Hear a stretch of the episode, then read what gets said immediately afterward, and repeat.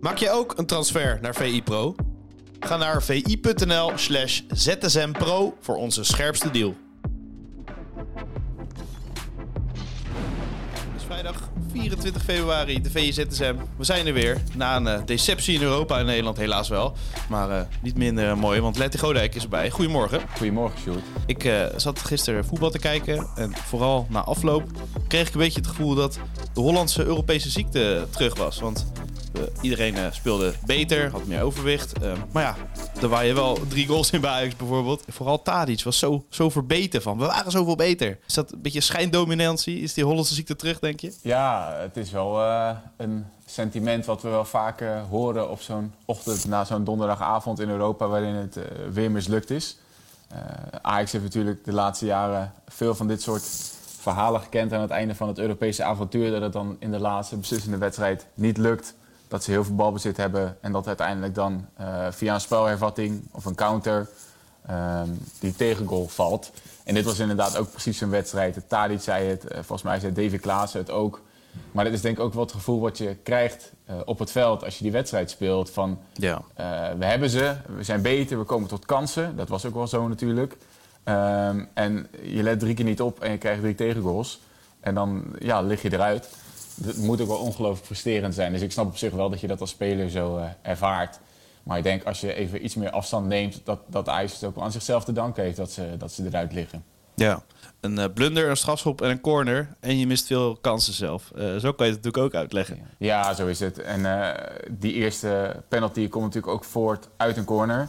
Dus je geeft eigenlijk twee doelpunten weg uit hoekschoppen. Terwijl je weet dat Unions grote kracht is. Ja. En wij krijgen als Nederlandse ploeg niet voor elkaar om daarin uh, in mee te gaan in de rest van Europa. Want uh, je kunt altijd wel een gebrek aan lengte wijzen. Kijk, Ajax heeft niet uh, elf geweldige koppers. Union heeft meer goede koppers. Maar dat vind ik ook niet altijd een excuus om maar uh, tegendoelpunten binnen te krijgen via spelervattingen. Want ehm, als je bijvoorbeeld kijkt naar Manchester City...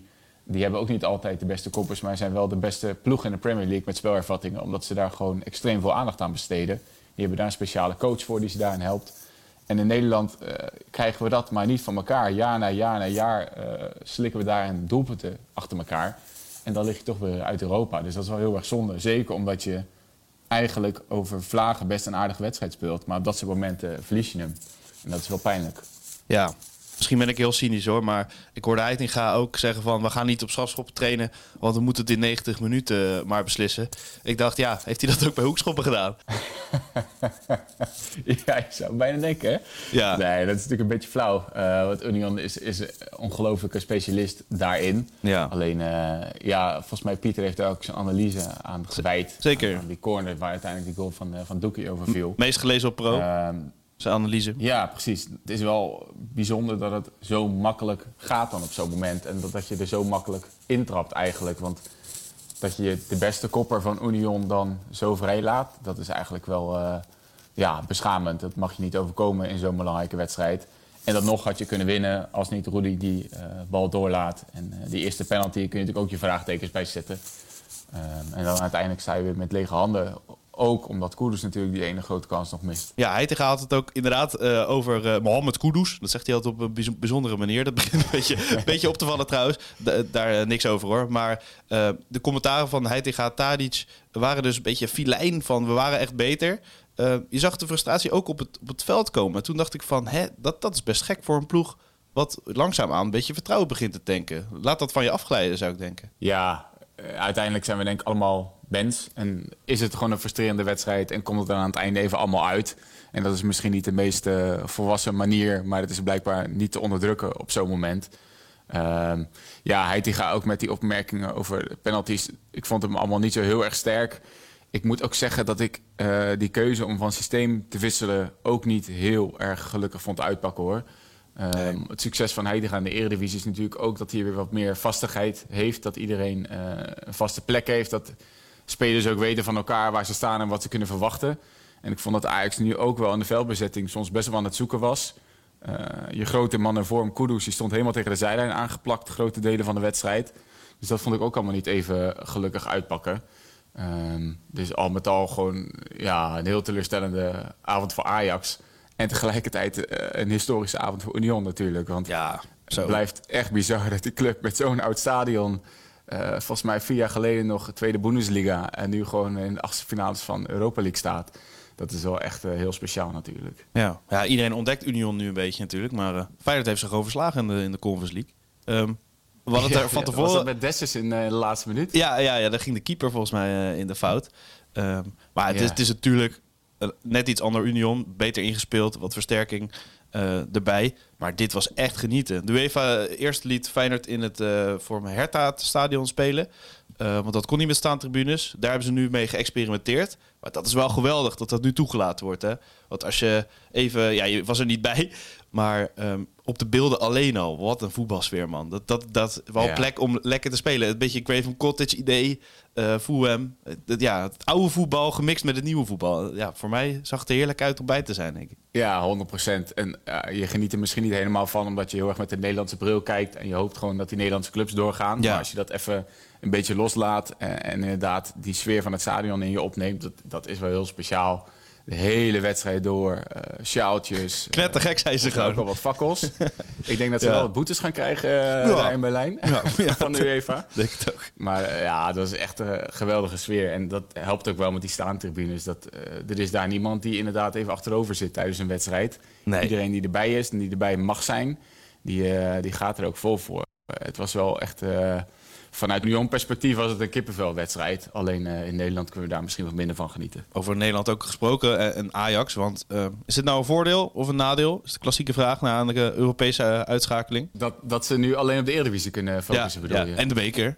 laten we die niet vergeten. Ja, nou ja, misschien is het een voordeel. Kijk, in dit geval, deze week zal het nog even slikken zijn. Want ze spelen volgens mij zondag uit tegen Vitesse. Uh, dus een ploeg waar ze zich al eerder dit seizoen in verslikt hebben en die verdedigend best oké okay staat. Uh, maar daar zullen dus inderdaad de rest van het seizoen uh, geen last meer van hebben. Maar ik denk Ajax met de ambities die ze hebben en ook met de uitstralingen in Europa die ze hoog willen houden, is dit wel een heel pijnlijke avond. En zeker als je de laatste jaren op een rijtje zit. Uh, de ambities om, om in de Europese top mee te draaien structureel. En als je dan de tegenstanders op een rijtje zet die ze uitgeschakeld hebben, ja, dan, dan wordt het wel confronterend. Zeker. Ik uh, hoorde in de AD Voetbalpodcast onze conculega's Johan Inan zeggen... het is juist een voordeel als Ajax doorgaat in Europa. Uh, aangezien ze dan het ritme houden in de Eredivisie. En in die seizoen hebben ze juist beter gepresteerd in de Eredivisie. Ze zijn altijd weer twee ja, kanten te verzinnen natuurlijk. Zeker, dat is ook zo. En het is ook maar net hoe het uitlegt. Kijk, als je succes hebt in Europa, dan geeft dat ook vleugels... Um, dan kun je misschien uh, in de Eredivisie een aantal andere spelers opstellen. Dan houd je iedereen tevreden, houd je iedereen fit.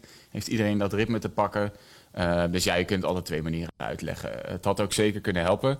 En nu uh, zal het bij Ajax zaak zijn om inderdaad te zorgen dat ze uitrusten door de week. En dan in het weekend uh, schitteren om toch die titelstrijd nog aan te gaan. Ja, PSV ook uit Europa. In hoeverre zij het kampioens op zitten, dat weet ik niet. Uh, maar ze besloten pas later slotoffensief in te zetten. Ja, kun je Ruud van Nistelrooy iets verwijten? Na afloop zei Luc de Jong bijvoorbeeld... ja, we wilden wel, maar je kan ook snel die 1-1 tegenkrijgen en dan is het definitief klaar. Um, ja, welk team ben jij? Gewoon, gewoon maar volgaan, niks te verliezen? Is dat beter? Ja, ik vond wel, volgens mij zongen ze in het Philipsstadion al vrij snel alles of niets. Ja, uh, zo zat ik ook een beetje de bank te kijken. Of niet? Ja, ja, ja. maar als je 3-0 achter staat, dan ja. uh, zou ik vanaf minuut 1 de schoon van me afgooien en er vol voor gaan. Ja. Want ook de manier waarop Sevilla speelde, eigenlijk maar met één aanvaller...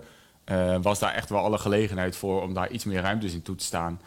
Uh, maar PSV is toch een beetje beducht voor, uh, voor Sevilla. En uiteindelijk, kijk, die goal viel volgens mij een kwartier voor tijd, die 1-0. Um, ja. Dan heb je natuurlijk in principe nog genoeg tijd om die tweede en derde ook te maken. Dus ze kwamen nog wel in de buurt. Hè. Ik moet zeggen, die 0 van Luc de Jong die werd afgekeurd. Toen dacht ik wel even zo. Nu hebben ze nog wel eventjes. zou het er dan toch nog gaan gebeuren? Ja. Maar ja, nee, zonde. ook, wel, ook voor PSV best een frustrerende wedstrijd. Omdat ze wel een aantal keer ja, je zag wel heel duidelijk het plan van PSV. En dat werkte ook op zich best wel goed. Een aantal keer via Bakayoko daar aan de rechterkant in een 1 tegen 1 brengen.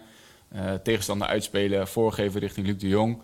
Daar hebben ze ook wel wat kansen uit gecreëerd. Alleen um, Sevilla speelde het ook wel slim, vooral in de eerste helft. Gewoon op balbezit, veel rondspelen. En PSV totaal ontmoedigen. Heel veel uh, tijd trekken bij alle dode spelmomenten. En daardoor kwam, kwam PSV er ook niet helemaal in. Dus Of het nou 100% de keuze was om zo voorzichtig te beginnen... of dat het ook een beetje door Sevilla kwam, dat, dat is natuurlijk ook de vraag. Ja, het leek wel echt op die, op die donkere tijden waar ik mee begon. Hè? Uh, dat Marco Tim had al voorspeld. Ja, die winnen 1-0 of 2-0. Nou, PSV uitgeschakeld. Beetje zo dat cynisme in Europa. Dat, dat merk je wel na afloop ook al. Ja, dat de tegenstander... Dat je eigenlijk precies doet wat de tegenstander wil. Dat is uh, zo'n frustrerend uh, gevoel wat, wat we vaak hebben inderdaad als Nederlandse clubs in Europa. Maar moeten misschien ook weer niet te cynisch zijn. Want er zijn ook veel mooie zegens geboekt natuurlijk dit jaar. Absoluut. En we hebben nog twee clubs in Europa gelukkig. Nog twee troeven, ja. En uh, we staan bijna zesde op de coëfficiënt-ranglijst. Dat is heel belangrijk. Ja, en ook ja. dat PSV gewonnen heeft, hè? Dus we moeten eigenlijk PSV ook nog ja. wel dankbaar zijn dat, dat ze de overwinning over de streep hebben getrokken. Nee, tuurlijk. En uh, kijk, elke Europese overwinning in zo'n Concord Stadion maakt toch weer indruk. Dat is ook goed voor, uh, voor PSV en, en, zijn uitstraling. Ik vond het stadion uh, echt weer uh, geweldig bij PSV. Mooie sfeer, mooi afscheid van, uh, van Cody Gakpo. Ja. Uh, dus het was best een mooie avond. Alleen is het gewoon frustrerend dat er dan net niet het resultaat uitkomt. Maar je kunt toch zeggen dat je Sevilla hebt verslagen... en heb je toch weer iets om volgend seizoen op door te bouwen. Dus dat, dat is mooi. En uh, nu is het hopen dat die andere twee uh, de eer gaan hoog houden. Europees gezien, PSV blijft wel heel erg achter. Hè? De afgelopen jaren eigenlijk niet zo heel veel gepresteerd. Uh, volgens mij groepsfase nog een keer overleefd, Champions League. Toen 0-0 uh, tegen Atletico bijna gered. Maar daarna blijft er helemaal ja. niks meer hangen, toch? Nee, dat was, uh, toen was Zoet zo geweldig in dat tweede ja. met Atletico. Ja, dat Klopt. weet ik nog wel. Maar dat is inmiddels ook een hele poos terug natuurlijk. Ja. Ze hebben wel toen laatst nog die, onder Schmid die Europa League groepsfase overleefd. Maar van een club als PSV, die toch ook internationaal nog wel een grote naam heeft... Uh, verwacht je eigenlijk wel iets meer in Europees verband. Uh, ik denk dat ze zelf ook wel, dat zien ze natuurlijk zelf ook wel zo. Maar ook zeker met de ervaring die ze dan de afgelopen jaren ook wel in huis hebben gehad, mm. hoop je eigenlijk wel dat ze iets verder kunnen komen. Maar het is ook zo zonde dat bij zo'n wedstrijd als gisteren dat dan Sangaré niet bij is, dat Torgan Hazard niet bij is. Maar je hebt al zoveel ingeleverd en als die twee er ook nog wegvallen, dan worden die opties wel heel erg uh, mager. Dus dat heeft natuurlijk ook niet geholpen. Dan nog een topprestatie van een Nederlandse trainer. Erik ten Hag verslaat gewoon eventjes Barcelona. En ja, ik denk dat het oude tijden herleven is voor United. Het is weliswaar Europa League niveau. Maar in alles Champions League affiche, in alles ook een Champions League overwinning. Ja, ik, ik heb die wedstrijd met de schuine ogen gekeken. Want het was natuurlijk tegelijk met ja, ja, ja. Union Ajax. Maar... Het stadion stond erachter. Ik zag in Engelse media dat ze beschreven van het gebrul in het stadion na het laatste fluitsignaal. Dat hebben we decennia niet meer gehoord op Old Trafford. En dat geeft wel aan over het sentiment wat daar aan ontstaan is onder Ten. Dat mensen echt het idee hebben van al die jaren van pijn en vernedering als grote club in Engeland, dat ze nu weer terug zijn, of, of bijna terug zijn. En zo'n overwinning op Barcelona is natuurlijk echt zo'n mooi kantelpunt of een keerpunt in de historie. Dat je zegt van als we ook Barcelona kunnen verslaan, dat acht punten voor Real Madrid staat in, uh, in La Liga natuurlijk. Nou, we hebben Real Madrid gezien deze week. Als je dan van de ploeg wint die daar acht punten boven staat, dan maak je wel even een statement.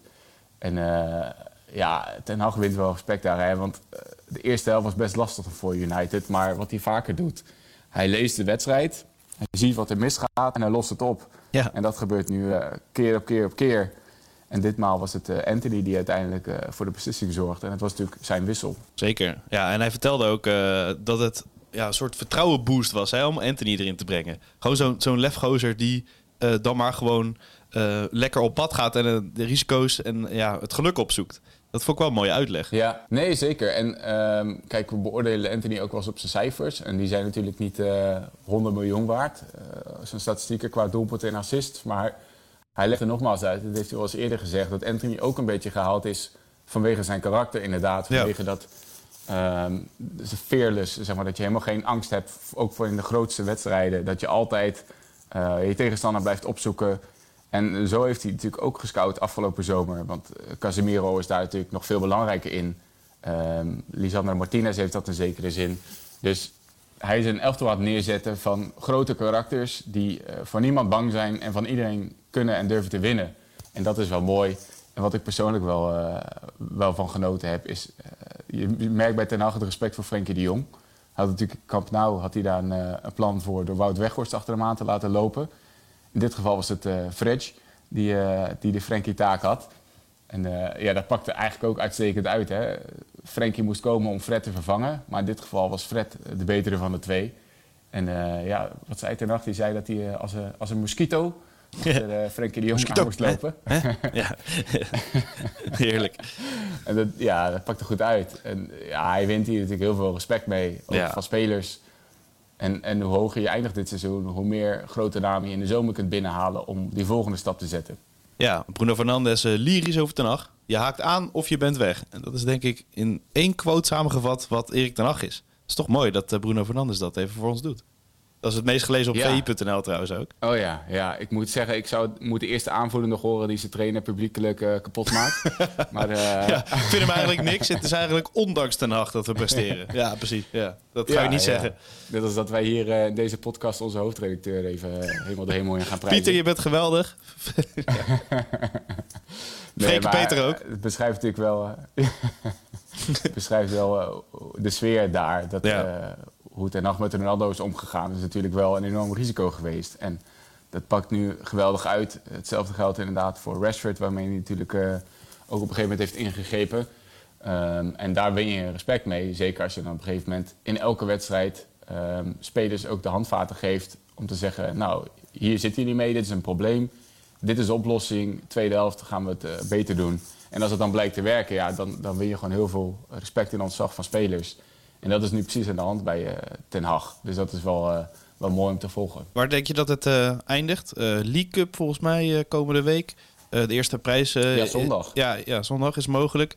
Ehm, ja, wat gaat er gebeuren, denk je? Top 4, League Cup, Europa League winnen. Ja, wat is er mogelijk, denk je? Want als je de, het lijstje ziet, is United misschien wel kanshebber nummer 1 nu. Ja, dat denk ik wel. Ja. In principe zijn ze denk ik de grootste club die er nu nog in zit. Ehm, dus ja, ik denk wel dat ze de favoriet voor de eindzege zijn. Eh League Cup zondag tegen Newcastle ehm, zou ook moeten kunnen lukken. Zeker omdat Newcastle zijn eerste en zijn tweede doelman mist. Dus we krijgen Loris Karius op goal bij Newcastle. Oeh, Nou, die in finales. Niet al te goede ervaringen met finales. ja. Oh, Ja, Ja. Dus, eh, ja maar al- alleen al als ze die prijs wint, is het natuurlijk een enorm statement. Omdat ze in 2017 die Europa League finale tegen Ajax is de laatste prijs van United. Ja. Zo'n grote club heeft al zes jaar geen prijs gewonnen. Dus alleen al één keer zo'n trofee binnenhalen is al enorm belangrijk. Ehm, top 4 kun je denk ik zien als een prijs. En ehm, ja, die Europa League winnen zou natuurlijk eh, de kroon op het werk zijn. En dan gaan ze volgend jaar echt serieus meedoen om de titel, denk ik. Ja, dan nog eh, ja, één transferperiode verwijderd misschien wel van de titel. Of, of kanshebber op de titel. Of denk je dat je dan nog iets langer nodig hebt? Nee, ik denk, ik denk dat het wel kan. Het is natuurlijk wel een beetje een vreemd seizoen in Engeland. In die zin dat je nu Chelsea en Liverpool hebt die eigenlijk helemaal zijn weggevallen in de titelrace. Normaal Ja, gesproken komen strijd terug. met vier, vijf andere clubs. Ja. eh, en nu niet. Dus eh, ja, het zal ongetwijfeld wel weer spannend worden. Dus ik, ik zal zeker niet zeggen dat United eh, kampioen wordt volgend jaar. Maar ik denk wel, eh, als iedereen fit blijft en ze kunnen nog twee, drie serieuze versterkingen halen, dan kunnen ze zeker meedoen. En dan wordt het, eh, wordt het erg spannend. Ja, we nemen deze podcast om kwart voor tien op. Volgens mij 12 uur begint eh, de loting al voor Europa League. Ja. Conference League. Ehm, ja, doen we het maar aan het einde van de podcast. Want misschien luisteren mensen wel later wel als de loting bekend. Dus eh, nou, zet maar weg als het al geweest is. Waar hoop je op voor Feyenoord en eh, waar hoop je op eh, voor AZ? Nou, bij Feyenoord hoop ik vooral eh, niet op AS Roma. nee. Dat is in het verleden nog wel eens, wel eens misgegaan. Ja, ik vind het ook altijd wel leuk als er dan even een tegenstander uitkomt die, die als Nederlandse club een tijdje niet heeft getroffen. Ja, Manchester United zou natuurlijk ergens heel mooi zijn vanwege de historie. Ja. Juventus? Tegenover Feyenoord. Ja. Juventus, eh, ja, die- er zitten wel heel grote clubs in die heel mooi zijn om te treffen. Ik denk eh, vanuit het sportieve perspectief eh, dat je die misschien beter kan ontlopen. Juventus is verdedigend echt eh, heel erg sterk dit seizoen. Dus ik denk dat Feyenoord daar wel heel veel moeite mee zal hebben. Dat wordt echt zo'n eh, wedstrijd zoals nou ja, die Conference League finale tegen Roma. Dat je heel veel de bal hebt, niet scoort en dat Juventus dan met 1-0 wint. Ja. Ehm, dus ik denk dat Feyenoord idealiter een van die eh, wat lager geplaatste teams heeft. Dus Shakhtar, ehm, misschien eh, Sporting Portugal. Ja. Ehm, Ja. Leverkusen wel mooi. te zeggen, maar Union Berlin. ja. ja, Leverkusen zou... Ja. eh, dan krijg je in elk geval wel een open wedstrijd. ja, precies. Eh, tegen Xabi Alonso, Ja. mooie ploeg, twee Ja, dat zou ik wel... Ik zou Leverkusen wel een leuke loting vinden, ja. Ja.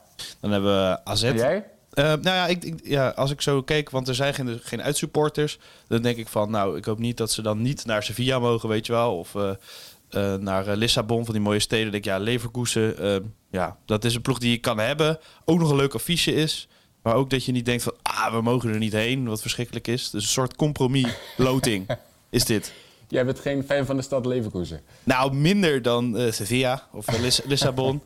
Eh, of, je, ja, Ja, of ja. Manchester of Turijn, weet je wel. Dat- Ja, dat spreekt toch meer Ja. aan, of niet? Ja, dat is waar. Ja, dat heb je wel, heb je wel punt. Dus een compromisloting. Hè? events is ook maar, is ook maar afwachten of ze niet weer iets hebben omgekocht of zo, hè? Nee, dat is waar.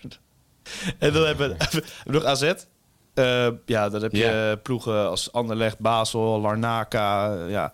Ja, Fiorentina springt er wel heel erg uit. Dat, dat zou wel een hele mooie zijn, toch? Dat is echt wel de mooiste. Ja. Of Lazio. Ja, eh, absoluut. Fiorentina is al eh, schitterende club. Enorme historie. eh, mooi shirt, mooie stad, mooi stadion. Ik zou het ergens ook wel leuk vinden als ze Leg Poznan treffen. Want dat is... Ja, John de Brom. een Nederlandse trainer voor de... Ja, ja, ja, ja, ja. precies. Nee, oud klopt. AZ-trainer. Dus dat, dat zou dan wel ook wel, wel leuk zijn. En ik denk als eh, kwalitatieve uitdaging ook nog wel iets beter te doen. Ja. Eh, maar natuurlijk is het altijd mooi om, om een grote club te, te treffen. En zullen de grotere clubs misschien de Conference League ook weer minder serieus nemen. Dus dat is misschien ook alweer eh een goed perspectief. Ja, je kan ook Sheriff eh, loten. hè. Dat is toch wel eh jammer van de Conference League ook. Of Larnaca of zo. Denk ik, ja, ja, goed. Hoeveel mensen gaan er naar kijken, denk je dan? Maar ja, ben je misschien wel gewoon een ronde verder. En dan is het daarna een mooie Ja. eh, affiche. Het is maar net wat je wil. Ja, we hebben ook de coëfficiëntenpuntjes nodig, hè, Sjoerd? Ja, daarom, daarom. Dus we moeten misschien eh AZ eh, makkelijk, Feyenoord, eh, ja, die compromisloting wat ik zeg. En dan hebben we gewoon allebei een ronde verder. Houden we het daarop. We hebben het toch lang Ja. over gehad. Terwijl mensen misschien al luisteren als het loting is geweest. Maar goed. Ja, maar een beetje voorbeschouwen is prima. Ja, dat is lekker. Oké. Hey, top. Let dit. Dankjewel voor je tijd. En tot de volgende. Tot ZSM. Yes, tot ZSM. Maak je ook een transfer naar VI Pro? Ga naar vi.nl slash zsmpro voor onze scherpste deal.